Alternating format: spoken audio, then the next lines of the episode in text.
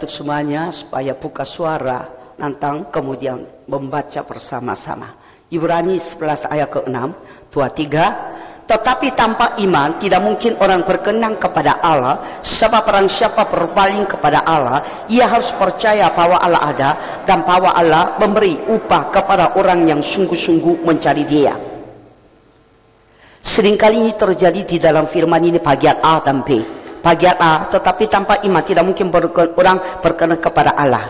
Sebab para siapa berpaling kepada Allah, ya, banyak orang berpaling seolah-olah berpaling kepada Tuhan, tapi mereka tidak percaya Allah ada. Dan bahwa Allah memberi upah. Upah artinya hasil daripada daripada akibat atau hasil daripada pekerjaan. Upah kepada orang yang sungguh-sungguh mencari dia. Pekerjaan Tuhan apa? Percaya kepada. Pekerjaan Tuhan apa? Adalah percaya kepada Tuhan. Jadi sesuai dengan dasarnya firman ini saya kasih judul untuk pagi hari ini yang seluruh teman yang sudah hadir di ruangan ini. Tabunglah iman di hidupmu. Tabunglah iman di hidupmu Alkitab yang kita percaya pasti tahu semuanya. Itu 66 daripada kitab suci yaitu perjanjian lama 39 perjanjian baru 27 akhirnya dijumlakan 66 kitab suci disebutkan Alkitab. Nah Alkitab ini diningkarkan diikatkan dibulatin dengan iman maka hanya dengan iman saja bisa mengerti firman dan mengenal firman.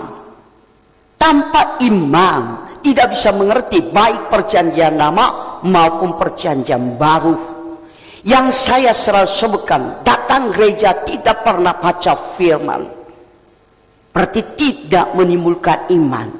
Hanya menjadi orang gereja, najin datang ke gereja, absen di dalam ibadah tapi belum tentu dan belum pasti orang-orang tersebut itu bertumbuh iman setiap saat.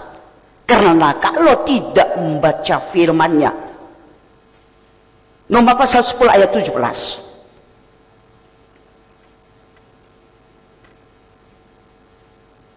Jadi iman timbul dari pendengaran dan pendengaran oleh firman Kristus. Bagaimana timbul? Imannya di dalam hati kita. Wah itu pendengaran, pendengaran daripada firman. Tapi di sini jelaskan firman Kristus.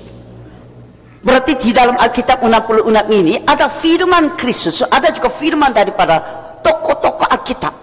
Paulus, Hosea, Daniel, dan sebagainya. Itu firman dari mereka. Kalau saya bilang bukan firman, tetapi perkataan yang ilahi daripada orang-orang yang tokoh-tokoh di dalam Alkitab yang Tuhan yang menunjukkannya untuk menuliskan sesuatu. Tapi betul-betul disebutkan atau dikatakan firman adalah firman daripada Allah sendiri dan firman daripada Yesus Kristus saja. Sehingga para siapa yang khusus yang membaca perkataan-perkataan daripada Yesus Kristus disebut firman akan timbul imannya. Makanya ini tipuan daripada iblis Orang-orang Kristen sekarang tidak suka baca firman, tapi nonungan terus, nonungan, nonungan terus itu nonungan daripada manusia, bukan firman. Pendeta heboh-heboh, orang-orang yang punya kesaksian dan sebagainya. Mereka tidak akan timbul iman. Kalau timbul iman adalah betul-betul daripada firman daripada Kristus. Makanya ketika kita membaca firman, ya timbul iman. Dengannya iman yang timbul daripada firman Kristus, eh, bisa juga membaca firman yang lain sehingga timbul lagi, ditambah lagi, ditambah lagi sehingga tabung iman di dalam hidup kita. Makanya lazim baca firman dan lazim berdoa. Gereja adalah perkumpulan orang yang memiliki iman sebagai dasarnya. Dan gereja itulah di dalamnya terjadi pembuktian daripada Alkitab. Firman Tuhan selalu terbukti dengan iman di gereja. Makanya pusatnya gereja. Makanya di dalam Wahyu tujuh jemaat dikatakan gereja. Betapa pentingnya orang-orang punya gereja untuk beribadah kepada Tuhan dan mendengar firman sehingga di situlah timbul iman. Dengan iman membaca firman dan mengerti siapa yang mengenal firman pasti hidup juga dikendalikan oleh firman dan diberkati ujung-ujungnya. Maka gereja menyatakan kehendak Allah dan disertai ajaib dan juga mujizatnya.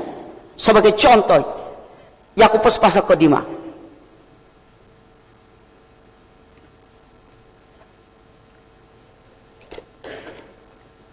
Ayat ke-14 sampai ke-16 dan inilah eh, keberanian percaya oh sorry sorry. Yakobus pasal ke 5 ayat 14 sampai 16 oke okay. kalau ada seorang di antara kamu yang sakit baiklah ia memanggil para penatua jemaat. Kalau bahasa Korea gereja.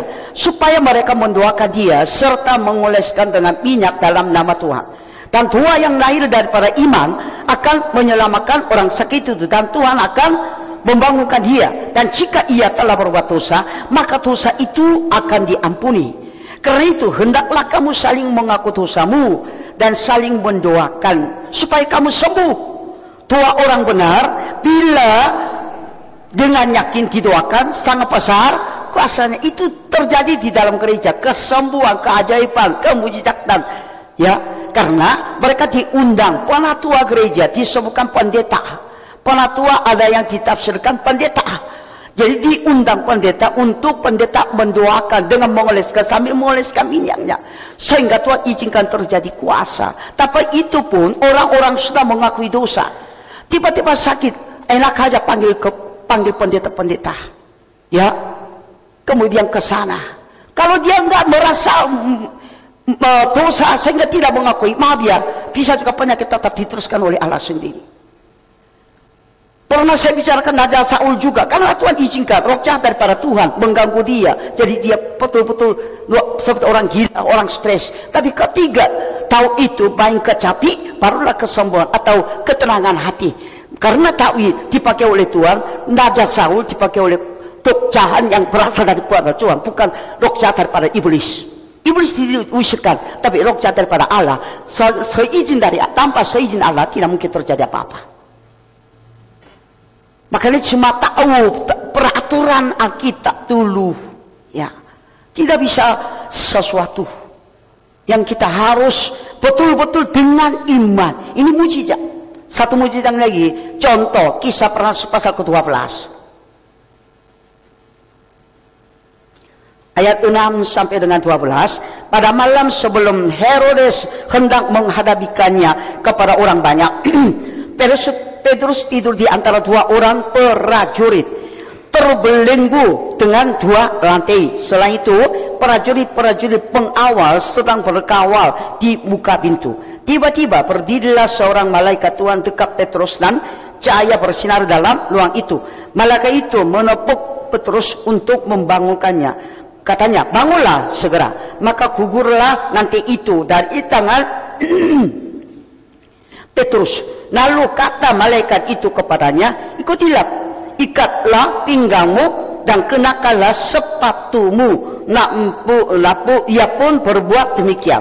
Lalu malaikat itu berkata kepadanya, Kena, eh, kenakanlah cubamu dan ikutilah aku. Lalu ia mengikuti malaikat itu keluar dan ia tidak tahu bahwa apa yang dilakukan malaikat itu sungguh-sungguh terjadi. Sangkanya lah, sangkanya ia melihat suatu penglihatan. Setelah mereka melalui tempat uh, kawal pertama dan tempat kawal kedua, sampai kala mereka ke pintu gerbang besi yang menuju ke kota. Pintu itu terbuka dengan sendirinya bagi mereka. Sesudah tiba di luar, mereka berjalan sampai ke ujung jalan dan tiba-tiba malaikat itu meninggalkan dia, yaitu Petrus.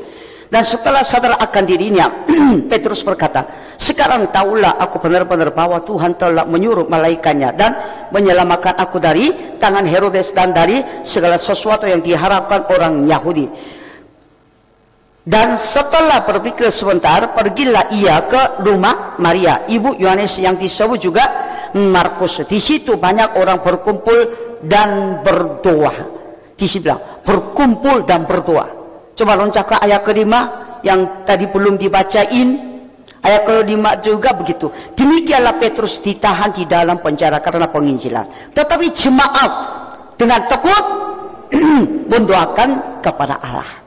Itu mujizat terjadi karena jemaat berkumpul, gereja berkumpul, berdoa sama dengan Tuhan untuk pelepasan terjadi pada dirinya Petrus yang ditahan karena penginjilan. Berita Injil tentang Yesus ditahan di penjara. Betapanya ketanya sampai pintu pertama, pintu kedua dan sebagainya. Sampai dua lantai begitu belum penggukan sama dengan apa namanya Petrus, tapi di situ terjadi karena jemaatnya, gerejanya berdoa. Oleh sebab itu sesudah firman Tuhan, tanpa iman tidak mungkin berkenan kepada Allah siapa pun. Kenapa? Karena Allah bekerja karya daripada Allah sendiri mengatasi daripada kemampuan otak kita, kemampuan pikiran kita semua. Sehingga sesuai dengan kemampuan otak kita, sesuai dengan kemampuan pikiran kita, berusaha mengerti karya daripada Allah sendiri tidak akan mungkin mengerti. Hanya dengan iman saja mengerti. Oleh sebab itu sangat dibutuhkan iman ya terhadap karya daripada Allah sendiri yang mengatasi kemampuan otak dan kemampuan pikiran. Dan iman bukan timbul dengan gratis. Jangan jemaat salah paham. Datang ke gereja rajin, udah timbul iman. Seolah-olah punya iman. Sehingga mudah untuk mengucapkan, puji Tuhan, saya percaya. Puji Tuhan, saya percaya. Satu hari seribu pun tidak ada gunanya. Kalau tidak membaca firman, tidak takut akan Tuhan, dan perbuatan yang baik.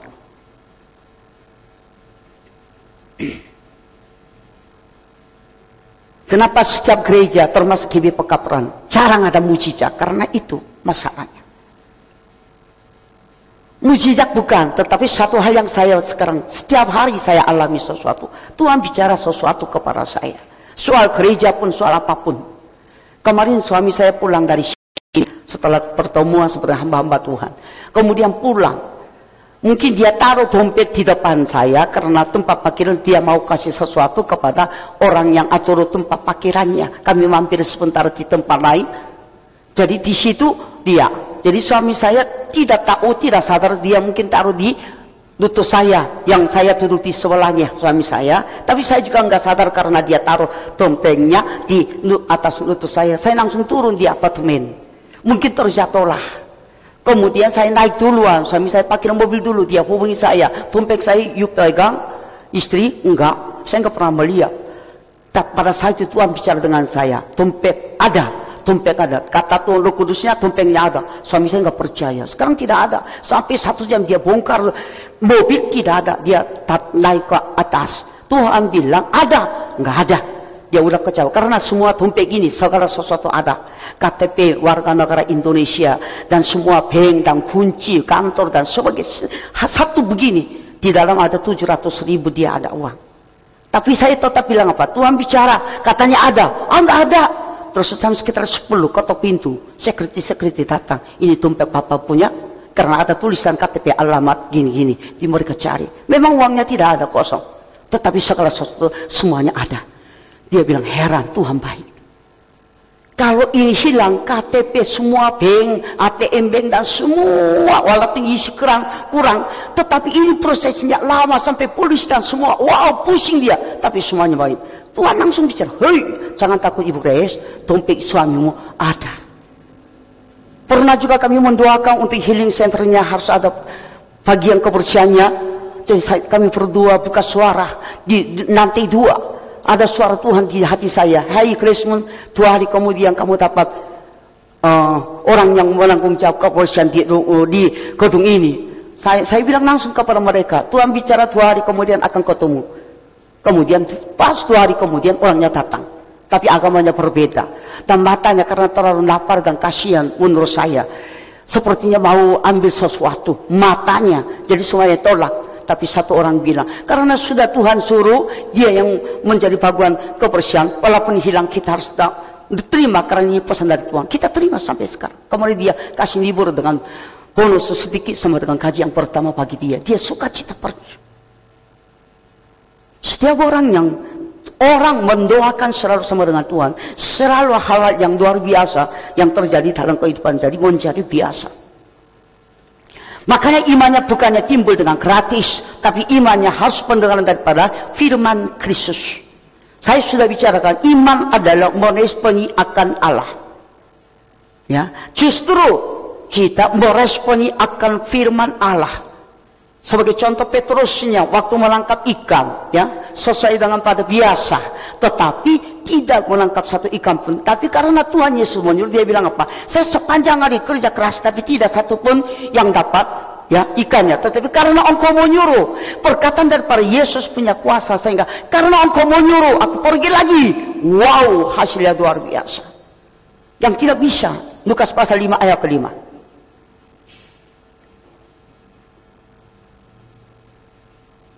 Menjawab, Guru telah sepanjang malam kami bekerja keras dan kami tidak menangkap apa-apa.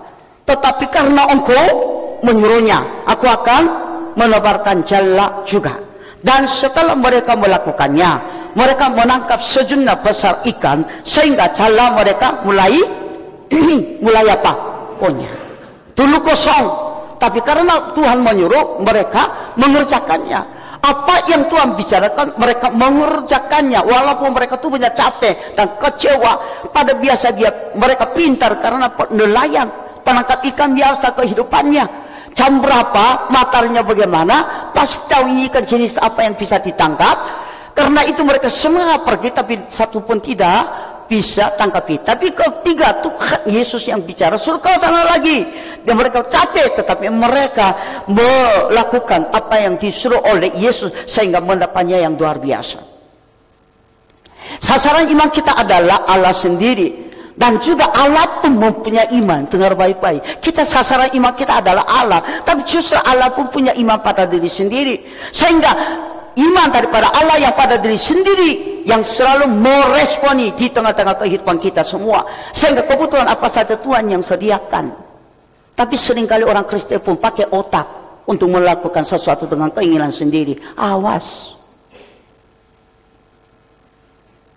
Sekali lagi kita sasaran iman kita adalah Allah tapi Allah pun punya iman pada diri sendiri. Sehingga iman yang pada diri sendirinya begitu di meresponi di tengah atau di dalam kehidupan kita semua. Sehingga kebutuhan kita Tuhan yang akan sediakan. Yang miskin diperkayakan yang buta pun melihat yang lemah dikuatkan ada kata-kata pujian itu juga yang cukup menguatkan hati kita. Bagi siapa yang Tuhan bekerja di dalam kehidupan sehingga ya terjadi mujizat yang miskin diperkayakan yang sakit disembuhkan yang nama dikuatkan yang betapa mulia yaitu bagi orang yang memiliki iman yang berdasarkan dengan firman seperti yang tadi judulnya makanya tabunglah iman di dalam kehidupan. Jangan memiliki iman yang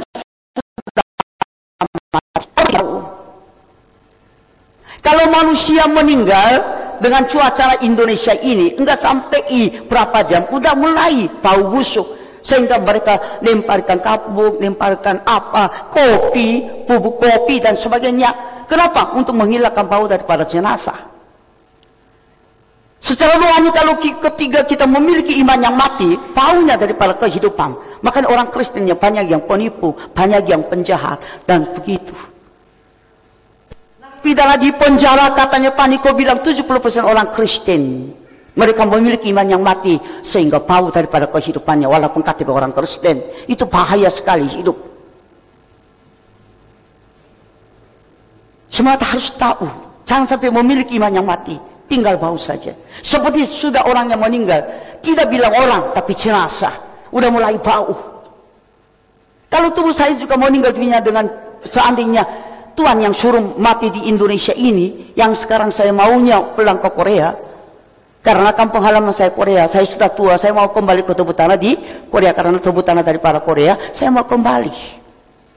Kalau saya terus ini mungkin kalau dilayani oleh jemaat pengukurannya bisa juga saya satu hari kemudian mulai saya tubuh saya mulai bau jenazah. Jenazah Moon, bukan lagi orang Ibu Moon, tapi jenazah Moon berbau Makanya secara luarnya orang yang memiliki iman yang mati, paulah daripada kehidupan sendiri.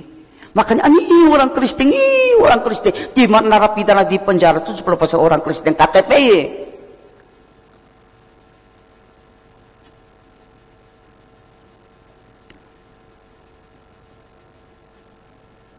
Tanpa perbuatan, iman adalah mati. Makanya kita tabung dengan iman yang hidup. Seperti kalau kita punya buku rekening, uh, bank, BCA, Mandiri dan semuanya.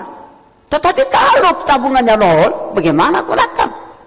Malahan dimarahin, malahan di marahin diusir daripada bank-bank tertentu, ya, yang kita pergi untuk minta mengeluarkan duitnya, tapi duitnya di dalam buku atau nomor rekening tidak ada sama sekali, sehingga tidak bisa keluar.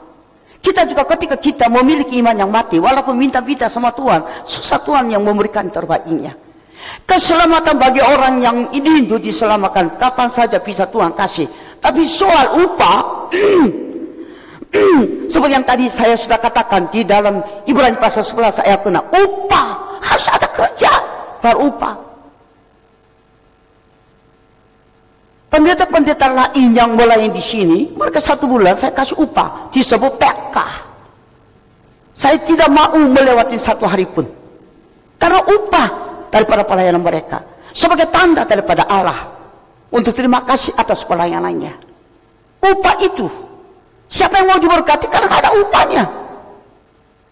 Kalau orang yang tidak percaya kepada pun upah ada. Karena upah kerja di dunia ini. Dengan berkat umum tapi orang Kristen ditambahkan berkat rohani yaitu keselamatan yang tidak bisa oleh siapa pun selain Yesus Kristus di bawah kolong langit ini. Makanya walaupun orang Kristen kalau tidak ada tabungan iman di dalam hidup kita susah. Minta tolong doakan, minta tolong doakan. Hanya mau minjam, maaf ya, mau minjam. Ayo saya nggak ada uang, ayo ayo minjam ya saya akan kembali lagi. Pinjam, saya sekarang sakit, saya sekarang apa-apa, saya sekarang ada masalah, tolong doakan saya. Semua cuma berdoa, berdoa, berdoa. Itu pinjaman. Harus malu. Selalu ada pinjam, pinjam, doa, doa, doa. Makanya kita kan harus kita memiliki tabungan iman di dalam hidup kita. Bagaimana caranya menabung? Dengan perbuatannya. Tanpa perbuatan. Ya.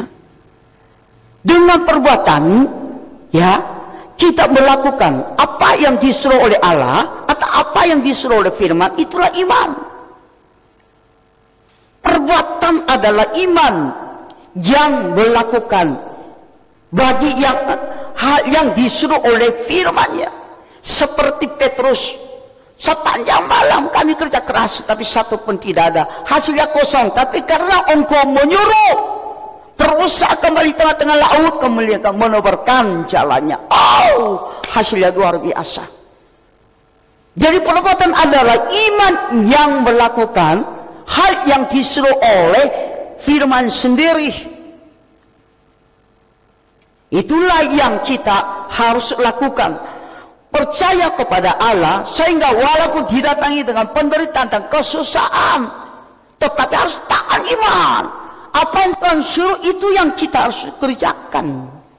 Ini contoh Abraham juga begitu. Dia bukannya seperti Alkitab yang sudah kita gampang mendapatnya. Tetapi pada saat itu hanya dia mendengar suara Tuhan tapi di situlah dia timbul sampai bertahan. Nomor pasal keempat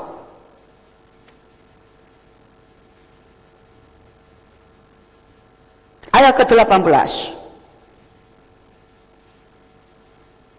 Sebab sekalipun tidak ada dasar untuk berhadap, berharap, namun Abraham berharap juga dan percaya bahwa ia akan menjadi bapa banyak bangsa menurut yang telah difirmankan demikianlah banyaknya nanti keturunanmu sampai imannya tidak menjadi lemah walaupun dia mengetahui bahwa tubuhnya sudah sangat lemah karena usianya telah kira-kira 100 tahun dia bawa Nahim syarat telah tertutup.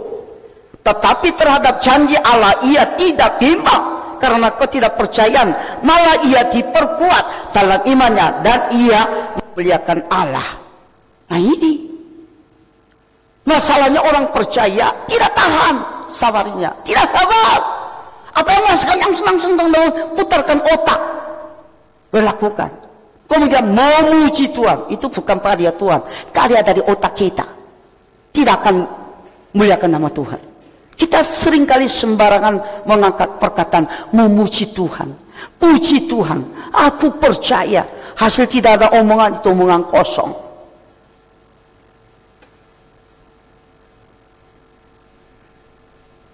Tawi juga waktu kecil disuruh oleh bapak. Mungkin dia nggak begitu sukai oleh bapak kali tak karena mungkin lebihnya terlalu banyak anaknya. Ini kan montok. Paling kecil. Sehingga disuruh suka disuruh oleh itu gembala domba bapak ayahnya dan saudaranya. Saudaranya enak-enak di rumah. Ketika Samuel datang ke sana untuk mencari calon ya Naja yang berikutnya daripada Naja Saul yang sudah ditentukan oleh Tuhan akan disingkirkan dari posisi Raja Israel. Dia akan di sangat semua orang di rumah. Tetapi anak ini yang kecil. Tapi di situlah dia menghadap sama dengan Tuhan. Sehingga dia bisa kepintaran pakai ini apa batu. Ketika dia menjaga domba harus ada kepintaran jadi dia menjadi gembala domba itu walaupun usia kecil itu semua rencana Tuhan. Mau kalahkan kuliah. Nah, ini kita harus perlu sekali. Ibu Rani pasal 11 ayat 7 mengenai Nuh juga sudah Tuhan bicarakan. Ibu Rani pasal 11 ayat ke-7. Karena iman, maka Nuh dengan petunjuk Allah tentang sesuatu yang belum kelihatan dengan taat mempersiapkan batra untuk menyelamatkan keluarganya. Dan karena imam itu, ia menghukum dunia. Dan ia ditentukan untuk menerima kebenaran sesuai dengan imannya. Itu bicu. Belum kelihatan apa-apa. Malahan matanya semakin terik. Semakin panas. Tidak mungkin hujan turun. Sampai banjir. Tapi karena dia men, setelah mendengar perkataan daripada Allah yang menyuruh Batra, dia enggak ragu-ragu. Sehingga siapkan orang bilang gila ini lo ini. Loh, matahari begini katanya nanti bat, terjadi harus butuh baterai. Ini gila ini udah begini tinggal meninggal dunia kali. Mungkin pasti ada omeran.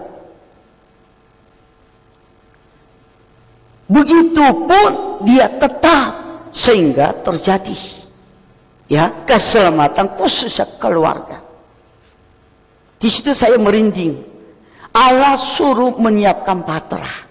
Allah tahu orang-orang masa Nuh tidak akan masuk ke Batra percaya daripada perkataan Nuh. Pasti Tuhan karena Tuhan maha tahu. Tapi Tuhan suruh Batra disiapkan begitu gedenya. Sehingga binatang-binatang diselamatkan. Ya. Kemudian keluarga Nuh. Itu perobatan dia. Dia melakukan apa yang hal yang disuruh oleh firmannya dia lakukan itulah iman. Sehingga selamatkan keluarga diri sendiri. Saya setelah sadar bilang saya merinding merinding merinding. Selamat bagi kita sendiri masing-masing yang harus tanggung jawab.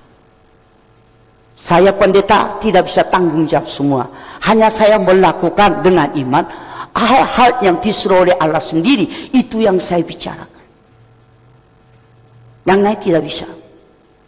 Walaupun saya sakit di rumah sakit, ada yang suara Tuhan di dalam hati saya. Saya langsung kasih WA. Walaupun sakit Tuhan bukannya bilang Tuhan yang sembuhkan aku tidak. Tetapi hal-hal yang perlu saya harus tahu Tuhan ingatkan. Jadi keselamatan adalah diri sendiri. Seperti Nuh, patarannya gede luar biasa. Tapi Tuhan tahu nanti hanya sekeluarga Nuh saja akan diselamatkan.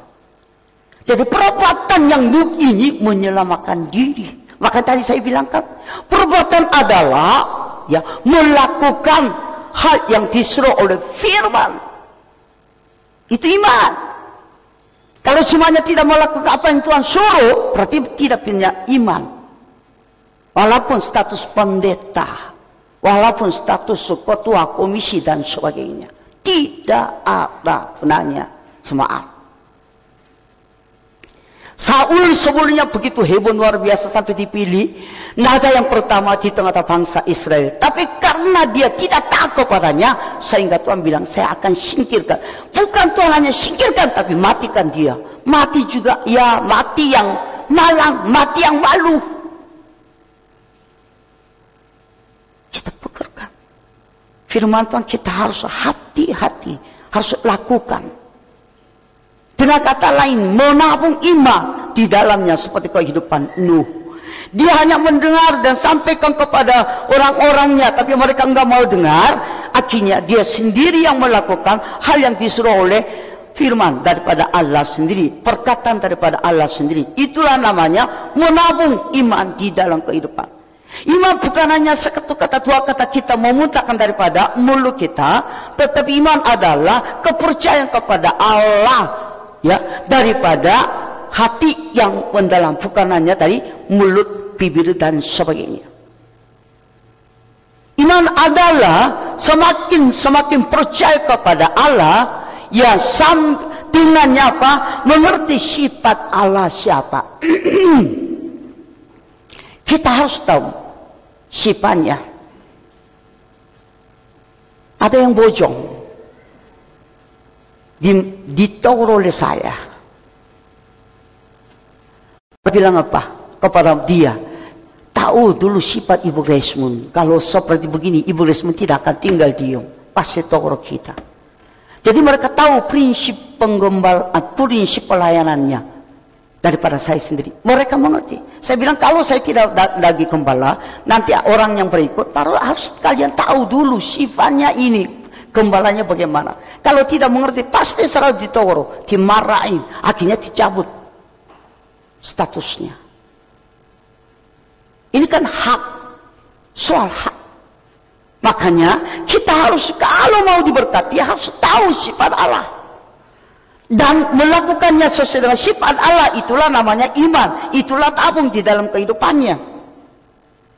Masalah yang kita hadapi yang sering terjadi di, dalam di dalam gereja adalah sering, kali kita tidak percaya Allah adalah penuh kepribadian yang sempurna dan Allah dan hidup dan Allah adalah sempurna. Seringkali lupa hanya umum-umum saja, muntahin perkataan, aku percaya, aku percaya. Tapi mereka tidak percaya Allah adalah hidup, Allah punya kesempurnaan, Allah ada kepribadian yang tidak cacat. Makanya hanya sekadar percaya tidak ada gunanya. Hanya kita mengharapkan ya hal-hal yang disebut mujizat kata ajaib daripada Allah sendiri. Itu yang kita harapkan makanya tidak akan terjadi kalau tidak mengerti sifat Allah sehingga ditambahkan terus iman dengan kata lain tabung iman di dalam kehidupannya itulah kelemahan iman daripada kita semua meminta berkat yang murah harganya kesembuhan, kekayaan, enak-enak hidup bahagia, dikasih mobil, dikasih motor dan semuanya. Saya punya mobil masih usia 13 tahun. Karena Tuhan tidak izinkan ekonomi saya sampai pakai sopir saya 5 juta, saya tak pakai. Tetap saya grab atau sekarang dengan suami saya minta tolong karena libur. Saya nggak mau memaksakan diri pakai sopir. Malahan saya pakai sopir mendingan saya kurangi tapi perlu di rumah. Mungkin Tuhan suruh saya menara dua di kamar saya yang kecil saya Tuhan sediakan. Lebih harusnya mengerti kehendak Tuhan. Jangan paksa Tuhan. Saya hambaku, saya melayani. Mungkin jumlahnya sedikit lebih dari dulu. Sekarang saya kurang tahu. 500 lebih jemaat. Gembala tidak punya sopir jadi mobilnya pakai terus tahun-tahun. Mungkin satu saya kali, yang lain tidak ada. Sedikit cuma 100 bisa mobil dengan kredit, bawa ke mana-kemana, saya tidak. Karena saya sifat tahu Tuhan. Tuhan izinkan saya baru, baru mau pakai. Saya nggak mau menyalakan, saya nggak mau membuat kesal Tuhan terhadap saya. Itu usaha saya setiap hari. Tuhan mau apain, Tuhan mau apain, Tuhan mau apain. Tapi Tuhan selalu melimpahkan. Jujur bicara aja kemarin tiba-tiba uang dapat daripada Australia 120 juta. Saya berdua. Tuhan bilang apa? Buka gereja lagi. Saya sudah tua. Tidak ada pendeta yang saya bisa percaya. Tapi saya sekarang mau lakukan. Pergi ke Tenjo. Lihat sana-sana. Tuhan suruh saya lakukan. Hidup saya tidak ada uang. Tetapi kalau untuk Tuhan, Tuhan selalu kirim. Sepertinya cek hidup saya. Miskin. Tapi oh Tuhan sedang cekin. Saya susah. Oke. Okay. Apa yang Tuhan engkau? Suruh buka. Oke. Okay. Saya bilang uang melalui nomor rekening suami saya semua dikaget. Papa satu rupiah pun tidak disentuh, dipisahin. Itu untuk Tuhan, bukan untuk saya. Ada yang bilang, ayo terima dulu, bukan susah. Enggak. Tuhan sediakan makanan bagi saya setiap hari melalui orang. Saya tidak akan sentuh. Itulah saya bilang bilangkan iman harus tahu sifat Allah. Tapi masalah yang kelemahan kita ini adalah ini seperti yang seperti hanya merindukan keajaib Tuhan. Ajaib mujizat itu adalah berkat yang murah harganya. Yesus, murid-murid Yesus pun sebelum Yesus mati di kayu salib, mereka tidak tahu apa-apa. Mereka bilang, ajaib, ajaib. Engkau kalau punya kerajaan, saya di sebelah kiri menteri, saya di sebelah kanan menteri. Mereka hanya fokusnya begitu. Tunggu-tunggu ajaib daripada Yesus. Tapi tiba-tiba Yesus bilang, aku mati di kayu salib. Oh, jangan, tidak akan terjadi. Karena kati, kami rugi. Tapi setelah Yesus mati di kayu salib dan hari yang ketiga dia bangkit, mereka sudah ingat kembali apa yang disampaikan oleh Yesus. Betul, benar. Mereka akui ini kebenaran daripada mulut Yesus. Mereka siap mati, mati karena Yesus Kristus. Iman timbul daripada pendengaran. Setelah tidak tahu begitu muridnya pendengaran daripada firman secara langsung yang luar biasa daripada murid Yesus tapi mereka tidak sadar. Tapi ketika Yesus mati di kayu salib, mereka sadar dan mereka timbul iman. Oh, dulu Tuhan Yesus bicara begini. Dulu Yesus bicara begini. Betul, betul, betul, betul. Tambah, tambah, tambah kuasa. Sehingga mereka, mereka bukan harap dikayakan. Tetapi harap mati. Mati di kayu. Mati untuk Yesus Kristus. Mati. Kematian yang kudus.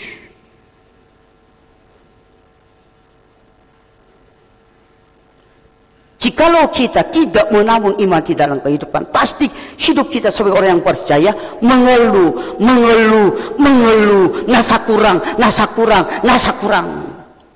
Sehingga setiap hari Tuhan yang sediakan makanan bagi kita secara rohani tidak akan cicipi. Sehingga iman kita hanya di dalam mulut saja, tidak sampai ke hati. Itulah iman yang abstrak, yang tidak ada gunanya. Setelah Ayub diuji oleh Tuhan, semua setelah total kehilangan, tapi di situlah dia mengenal Tuhan. Sehingga dia bilang apa? Engkau lah yang uji aku. Setelah engkau uji aku, aku timbul seperti emas. Dis, emas murni. Sehingga dia tahu, oh kenapa saya diuji. Supaya iman saya yang wah karena kaya. Jadi saya memuji. Tapi sekarang semua diambil oleh Tuhan. Seizin dari Tuhan. Daripada iblis ini. Saya tetap memuji. Hmm, mengerti akan Tuhan. Sehingga bilang apa? Seandainya engkau uji aku. Ya, setelah uji aku, aku timbul seperti emas. Setelah itu Tuhan kembalikan semuanya seratus kali, dua kali lipat semuanya dikembalikan. Karena apa? Iman. Tahu dia sifat Allah. Sehingga dia bertahan iman. Sehingga di situlah kembalikan berkat yang luar biasa. Tuhan tidak akan tahan nama untuk orang yang susah diberkati.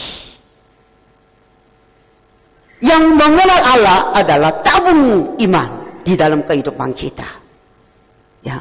Makanya Allah pun tidak Yesus dalam kesusahan dan merindungi sampai ganti rugi luar biasa daripada Allah. Ternyata sehingga anak-anak yang dapat setelah diuji Ayub ini tercantik di wilayah. Tercantik di wilayah. Bagi Allah tidak ada gratis. Keselamatan pun tidak gratis. Keselamatan pun Tuhan memenuhi firman Tuhan sendiri. Upah dosa adalah maut. Sehingga harus ada maut. Ya ambillah paksalah dia anak yang tunggal supaya mati di kayu salib ya memenuhi upah dosa adalah maut. Di situ kemudian kembali kasih karunia daripada Allah memberikan keselamatan bagi orang percaya. Allah sendiri memenuhi, mematuhi sama dengan firman yang dia sampaikan. Apalagi kita semua. Makanya Allah sempurna. Allah tidak bisa dituduh oleh iblis karena Allah sendiri melakukan apa yang dia tertulis sendiri. Seringkali kita kurang ngajar, kurang sumpah di hadapan Tuhan.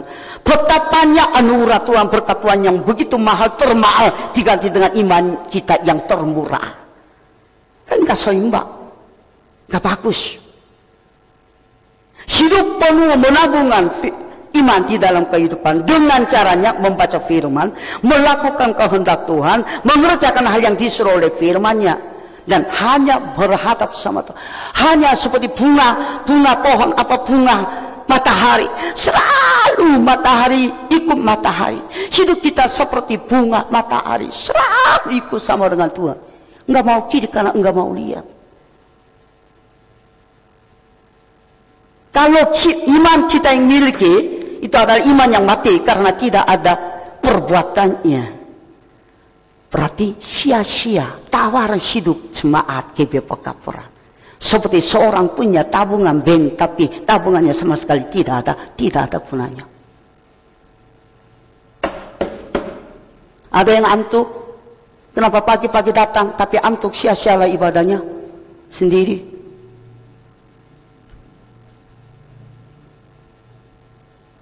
Kembali lagi, tabunglah iman 이 히로키타 스무와 빰 스무하냐? 빰 스무와? 자유운동 스무하냐? 방개 버릇 일이?